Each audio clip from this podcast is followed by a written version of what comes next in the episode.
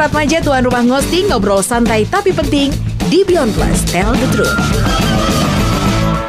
Halo, apa kabar teman-teman ngosting? Ngobrol santai tapi penting. Ketemu lagi bersama saya Nur Atmaja.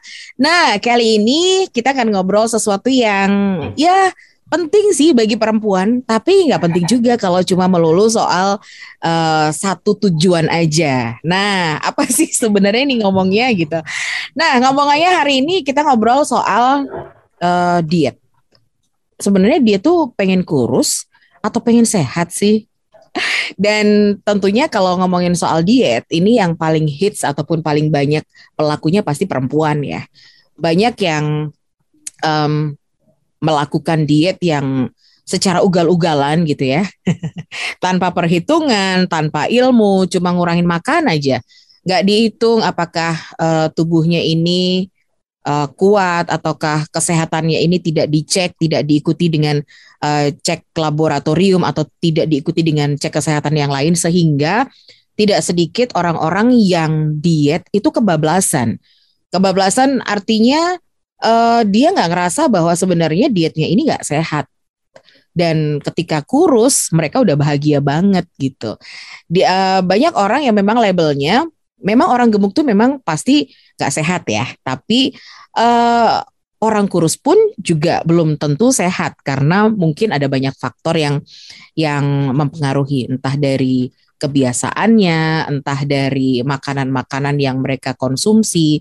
Nah, tapi kalau ngomong-ngomong soal diet um, dan juga keberhasilannya, nggak enak rasanya kalau saya mau uh, coba ngobrol sendiri. Saya sudah punya teman yang saya pandang nih dalam uh, pandangan saya tuh dia tuh berhasil menurunkan uh, menurunkan lagi. Saya pandang dia itu berhasil menurunkan berat badan yang cukup banyak karena ketika saya mengenal pertama kali dengan tubuh bentuk yang seperti itu dan sekarang cantik gitu ya, cantik dan uh, langsing tapi masih tetap sehat gitu. Jadi uh, saya kenalkan dulu deh uh, untuk teman-teman ngosting. Saya punya teman namanya Selin. Selamat datang Selin. Apa kabar? Hai, baik Mbak Nur. Oke, Selin. Uh, kayak yang tadi sudah saya singgung dikit nih pertama kali kenal Selin kan pada saat itu masih cukup besar gitu ya. Sebenarnya nggak gemuk-gemuk amat sih, cuma gempal. Tapi yeah. uh, pada saat itu uh, Selin sangat-sangat kekeh gitu ya uh, menjalankan diet gitu. Nah sekarang kan udah kurus nih, rasanya gimana? Rasanya apa ya? Enteng di badan, cuman diet dan apa namanya perubahan bentuk tubuh itu mm-hmm. tidak membuat perubahan signifikan dalam pribadiku sebenarnya. Mm-hmm. Jadi Selin yang dulu dengan Selin yang sekarang bentuknya seperti apa pun ya tetap Selin begitu. Oke, okay. kalau boleh tahu dulu uh, eh, BB berapa, tinggi badan berapa? Aku berat badan dulu paling berat nih tahun 2016 sekitar 100 kilo mungkin ya, mm -hmm. kalau nggak salah ingat. Mm -hmm. Tinggi badanku 167, sekitar mm, segitu. Lumayan tinggi ya untuk mm. ukuran cewek, oke. Okay.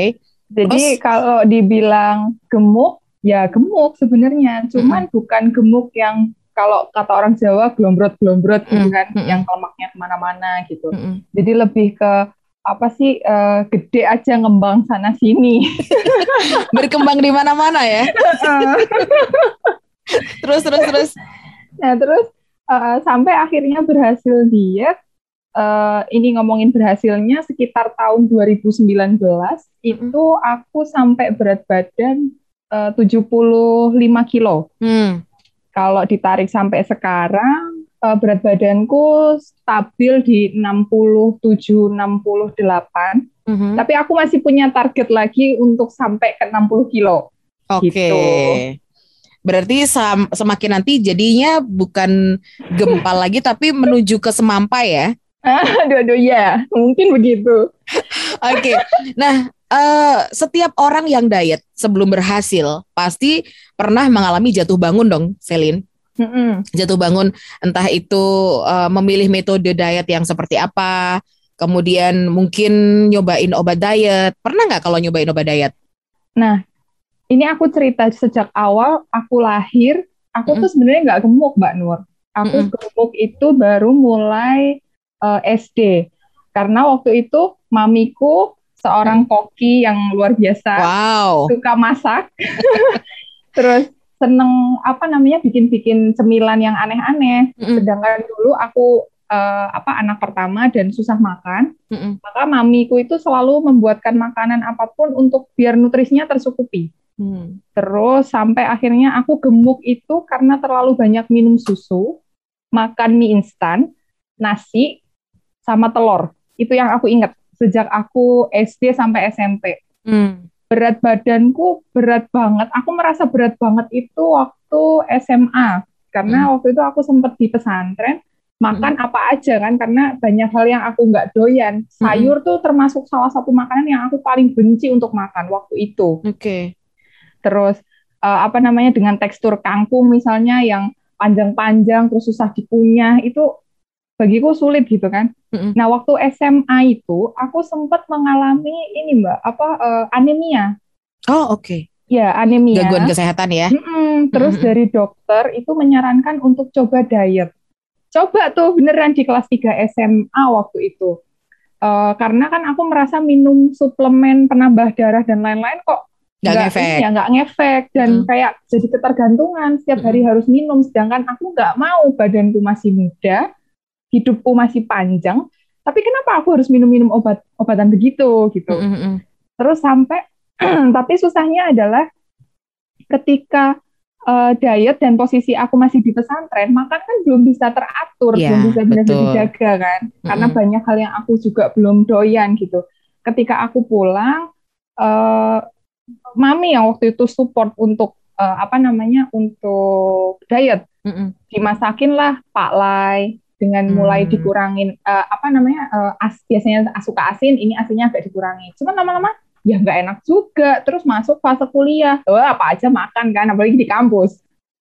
Terus bareng teman-teman sih San ya? Uh -uh, makanya sampai akhirnya tahun 2016 itu Aku hmm. merasa, loh badanmu ngembang banget ya lama-lama. Sampai kayak dikasih baking powder. Iya beneran. Itu sengembang itu Mbak Nur. Bahkan di waktu itu tahun 2016 itu uh, bajuku ukurannya tuh 5L. Udah hmm. large, large, large-nya lima kali pula kan. Hmm. sampai kayak gitu. Terus kalau sampai aku nggak berani pakai celana panjang karena pakai celana panjang tuh aku ngerasa pahaku gede banget. Ini paha apa bukan maling gitu kan. terus nah, terus terus tetanggaku mm -hmm. uh, apa namanya ibu haji gitu aku mm -hmm. manggilnya ibu haji ini uh, karena aku anak cewek kan dia bilang gini Mbak Selin coba toh diet. Dia ngenalin uh, ramuan-ramuan herbal gitu. Namanya jamu galian singset. Aku beli di sekitar Matahari Singosaren waktu itu kan. Mm -hmm. uh, aku coba minum. Dan tapi waktu itu aku belum belum punya benar-benar keinginan untuk oke okay, yuk baru nyoba-nyoba gitu ya? belum belum eksperimen aja. Bener nyoba-nyoba tok nyoba-nyoba. Aja dan rasanya itu nggak enak banget mbak. Pahit getir uh, ada kayak kehidupanmu ya Maaf, baunya nggak enak sesuatu yang baunya kayak gitu ya Tuhan kok kayak gini ya rasanya uh, sampai akhirnya aku ngalamin kayak keluhan-keluhan kesehatan kayak misalnya aku di kantor kan kerja duduk terus, mm -hmm. pinggangku sakit, terus abis itu aku kena kipas angin aja tuh uh, kipas angin AC tuh kayak apa ya badan rasanya nggak enak. Mm -hmm. Ini apakah pengaruh badanku yang begini atau memang uh, apa namanya memang harus mulai mengurangi mengurangi mengurangi berat badan aku mm -hmm. Terus uh, hal lain kalau tadi ditanya diet itu untuk sehat atau untuk kurus ya sebenarnya dua-duanya. Karena yang pertama untuk sehat karena aku ada beberapa masalah kesehatan. Okay. karena karena gemuk. Terus untuk menunjang penampilan juga itu yang itu faktor lainnya yang membuat uh -uh. aku akhirnya oke okay lah yuk kita diet aku mulai start diet di tahun 2018 2018 hmm. tercapai 2019 tahun berarti. Tercapai setahun. Setahun dengan berkurang berarti sekitar 25 kilo waktu itu. Mm -hmm. Kayak okay. gitu. Nah, Selin, perjuangannya orang diet itu kan mungkin satu bulan dua bulan pertama ketika banyak berat badan tuh turun gitu ya. Lagi awal-awal tuh biasanya kan langsung drastis tuh, banyak cepet banget gitu. Tapi orang tuh kadang-kadang eh uh, capek aduh ini kok stuck di sini terus nih di angka ini sempat ngalamin itu juga nggak? Terus kalau ngalamin solusinya apa waktu itu? Ah kalau aku justru tidak pernah mengalami uh, perubahan berat badan yang turunnya drastis nggak sama hmm. sekali. Karena uh, ini ya Mbak Nur aku kan coba tadi jamu jamu galian singset aku minum. Mm-hmm. Kemudian ada teh pelangsing aku coba untuk minum. Mm-hmm. Kemudian ada obat herbal kapsul yang dia katanya peluntur lemak, lasus mm-hmm. lemak apa segala macam. Yang ternyata efeknya bagiku hanya untuk memperlancar buang air besar. Okay. Tidak tidak mengubah eh apa namanya? Tidak mengurangi kadar lemak sama mm-hmm. sekali. Mm-hmm. Badan gue tetap tetap aja ngembang kayak adonan kue gitu kan. Terus aku merasa kayak loh ini tuh ngapain aku ngabisin uh, banyak uang hanya untuk membeli bahan-bahan yang aku tersiksa banget Mbak Nur bayangin mm -hmm. kayak orang orang kena diare kan mm -hmm. BAB tuh bisa setiap pagi bisa sampai tujuh kali bayangin aja nauzubillah kita jongkok mm -hmm. di WC kan selama itu ngapain bolak-balik bolak-balik belum lagi kalau nanti ada tiba-tiba callingan pagi-pagi ya masa uh -huh. terus kayak gitu bener-bener uh, apa namanya karena waktu itu mas uh, dietnya cuma minum obat itu ya belum olahraga belum ngurangi makan belum apa-apa hanya minum obat kok. Dan ternyata tidak berpengaruh apa pun gitu. Hmm. nah setelah itu baru uh, karena kebetulan aku aku bersyukur sekali sih karena keluargaku adalah mereka orang-orang yang sangat support gitu ke aku. Aku hmm. mau diet uh, mami yang di rumah setiap hari masak karena aku mau diet dia ini apa mengubah kebiasaan masaknya jadi awalnya masak daging-dagingan dan lain-lain mulai dikurangin. Karena aku sudah merasa bahwa ih nggak usah makan lemak-lemakan yang terlalu mm banyak ah, kurangin aja. Uh, segala macam uh, metode metode diet kayak yang puasa lah, yang puasa intermittent lah, yang OCD-nya di Corbusier lah, mm apa pun itu semua aku udah coba. Dan ternyata nggak cocok untuk aku. Jadi mm kalau teman-teman di luar sana uh, pengen dia terus mencoba hanya satu, itu belum tentu berhasil karena masing-masing tubuh itu berbeda. Beda-beda, benar. Ya kayak gitu. Dan hmm. akhirnya aku menemukan pola dietku sendiri adalah dengan cara aku olahraga setiap pagi setelah bangun tidur. Bangun tidur, uh, minum air putih, salat subuh. Setelah itu nanti jam sekitar jam 6, jam 7 pagi, olahraga. Olahraganya jangan dipikir kayak nge-gym yang harus serius gitu, enggak. -hmm. Cuman SKJ, stretching workout doang, dancing workout lah yang apa namanya zumba lain-lain dan itu tuh hanya bermodal lewat YouTube sebenarnya. Mm -hmm. Kayak apa namanya kayak kalau coba-coba ya memang itu coba coba-coba di satu sisi mm -hmm. aku melatih tubuhku untuk bergerak karena ya namanya kita badan ngembang ya Mbak Nur mau apa dikit ngos-ngosan naik tangga yeah, bener, apa bener, gitu kan. Bener. karena memang aku sudah terbiasa gemuk sejak dulu jadi ya kayak ya udah biasa aja sebenarnya mm -hmm. kayak gitu. Cuman akhirnya aku tahu ritmenya. Oh, aku nggak bisa nih kalau uh, work apa namanya olahraga yang misalnya terlalu kenceng uh, okay. speednya, ya, lari impact apa gak, gitu. bisa ya. Nggak bisa yang kayak gitu. Pelan-pelan dulu. Mulai dari uh, lari lari di treadmill paling kecepatannya paling cepat ya 6 atau 7 km hmm. per jam kayak gitu. Nanti diturunin lagi terus uh, yaitu tadi SKJ, kemudian ikut Zumba, terus uh, dance cardio, terus habis itu poco-poco bahkan sama ibu-ibu komplek. Pokoknya asal gerak, gerak. aja. Uh, uh. Terus yoga untuk uh, yoga. Durasinya juga. berapa setiap hari? Setiap hari kalau aku saranin sih minimal 15 menit. Minimal hmm. ya. Tapi minimal kalau Selin waktu itu berapa menit durasinya? Kalau aku dulu karena bertahap, Mbak. Hmm pertama 15 menit dulu terus hmm. udah mulai biasa aja nih kok nggak berasa keringetan okay. ya aku dulu tuh sumuan aku tuh dulu sumuan banget orangnya siti-siti keringetan siti-siti keringetan gitu 15 menit uh, kalau masih kuat nanti hajar lagi biasanya aku paling banter kalau sampai sekarang ini paling sejam aku nggak pernah sejam. memaksakan nggak pernah hmm. memaksakan diriku untuk uh, lebih lebih lebih lagi karena nggak baik juga untuk jantung okay. kan Nah, gitu. kebanyakan nih orang kalau pas lagi diet tuh sering kali yang ditunggu-tunggu adalah cheating. Ah. nah, Selin sempat ini nggak uh, ada jadwal? Oh, aku tuh sudah seminggu tuh uh, atau mungkin sudah berapa lama tuh diet terus gitu. Saya pengen dong cheating sekali-sekali misalkan pas keluar sama temen atau pas uh, sama keluarga ada acara pernah nggak?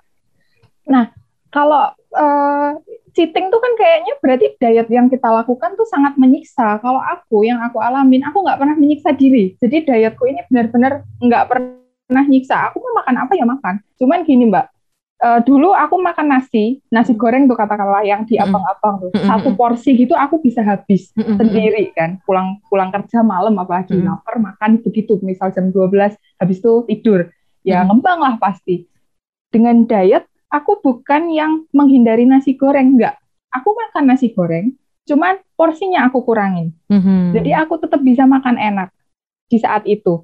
Tapi sehari-harinya uh, aku mulai membiasakan diri makan sayur, hmm. karbohidrat itu aku ganti si nasi putih ini dengan nasi jagung, aku ganti lagi dengan misalnya tiwul, terus uh, apa namanya singkong rebus kayak gitu. Hmm, hmm, hmm. Makan apa pun makan. Kalau ditanya cheating atau nggak cheating, nggak pernah cheating. Aku makan apa aja, kecuali yang sangat-sangat aku hindari hmm. adalah makanan pabrikan, misal wafer, biskuit, es okay. krim, manis, itu semuanya enggak.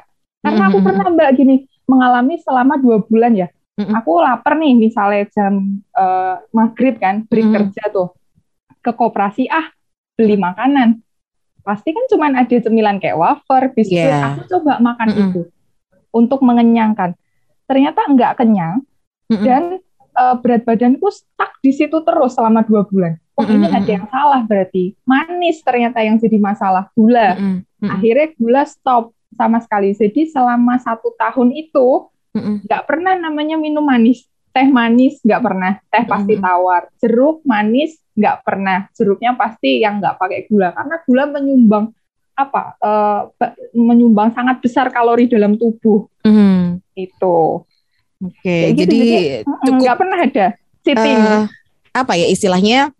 Itu memang diukur dari diri sendiri ya, Selin ya. Mm -hmm kunci keberhasilannya ya. Betul. Oke.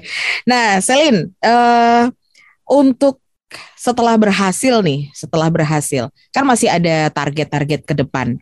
Itu lebih dilonggarkan untuk uh, pola makan dan juga pola kehidupanmu atau gimana? Atau lanjut terus nih sampai uh, di angka yang diinginkan gitu? Uh, kalau karena kalau... yang sering kali kan ah udah udah kurusan nih agak longgar dikit ah gitu. Nah, kalau itu sih uh, ya susah ya Mbak kalau dibilang mau dilonggarkan atau nggak dilonggarkan karena sampai hmm. sekarang pun uh, masih diet tuh masih karena akhirnya diet yang aku lakukan ini jadi pola hidup bukan hmm. bukan sesuatu kayak puasa Ramadan katakanlah sebulan tok wes gitu nggak yang begitu jadi ini mengubah benar-benar mengubah mindset mengubah pola hidup jadi lebih sehat mm -hmm. gitu ya kalau kamu kalau aku dalam diriku gini kalau aku pengen tetap uh, berada stabil seperti ini tetap pengen sehat nggak boyoen nggak ngos-ngosan gitu kan tetap pengen kelihatan glowing pengen kelihatan cantik dan lain-lain ya aku harus tetap menjalani ini gitu. Perkara dilonggarkan atau tidak uh, sekarang aku sih aku beberapa bulan terakhir ini memang agak melonggarkan diri ya jadi minum manis ya minum, hmm. apalagi sekarang udah kenal coffee shop gitu, minum kopi ya minum gitu kan. Minum kopi di coffee shop pasti ada susunya, ada tambahan gula hmm. gitu. Cuman uh, apa namanya pinter-pinter aja karena tubuh itu akan selalu memberikan sinyal. Jadi hmm. ketika aku sudah kebanyakan gula, aku akan cepet ngantuk, cepet capek belum lagi nanti tiba-tiba gigi itu rasanya nyut-nyutan. Mm-hmm. Kayak gitu Mbak. Jadi apa namanya tubuh ini akan akan memberikan sinyal gitu. Bahkan kalau dulu Mbak Nur tahu, mm-hmm. dulu waktu aku masih gemuk, itu kulit uh, kulitku tuh kelihatan lebih hitam. Tapi ketika mm. aku sudah kurus, bahkan teman-temanku pun uh, apa namanya ada yang guyonan gitu bilang gini, kamu habis operasi plastik atau suntik vitamin C sih kok sekarang jadi putih dan glowing kalau dibilang kalau dibilang itu masalah skincare, skincare itu hanya pendukung, tapi yang jelas ketika menjalani pola hidup sehat, rutin olahraga, itu akan kulit itu akan tetap sehat gitu. Itu yes. sih kuncinya. Oke, Selin. Kayaknya nggak cukup kalau cuma satu episode ya. Lanjut lagi di episode berikutnya ya. Uh, okay. Nanti kita ngobrol-ngobrol soal diet lagi, kelanjutan dari uh, Selin karena sekarang ini cukup banyak pasti rintangan, kemudian merubah pola uh, pola hidup, kemudian hmm. apa efek yang didapatkan sekarang kayak uh, bagaikan ilusi suntik vitamin C kan padahal ya, enggak. padahal enggak sama sekali. Oke. Oke, okay. okay, teman-teman ghosting ngobrol santai tapi penting minggu depan ataupun dua pekan ke depan di episode berikutnya saya masih akan ngobrol bersama dengan Selin ya tentang rahasia dietnya yang berhasil. Okay? see you two weeks later. Dengarkan saya Nur Atmaja Tuan Rumah Hosting, ngobrol santai tapi penting di Spotify, Anchor, Google Podcast, dan Apple Podcast. Beyond Plus, tell the truth.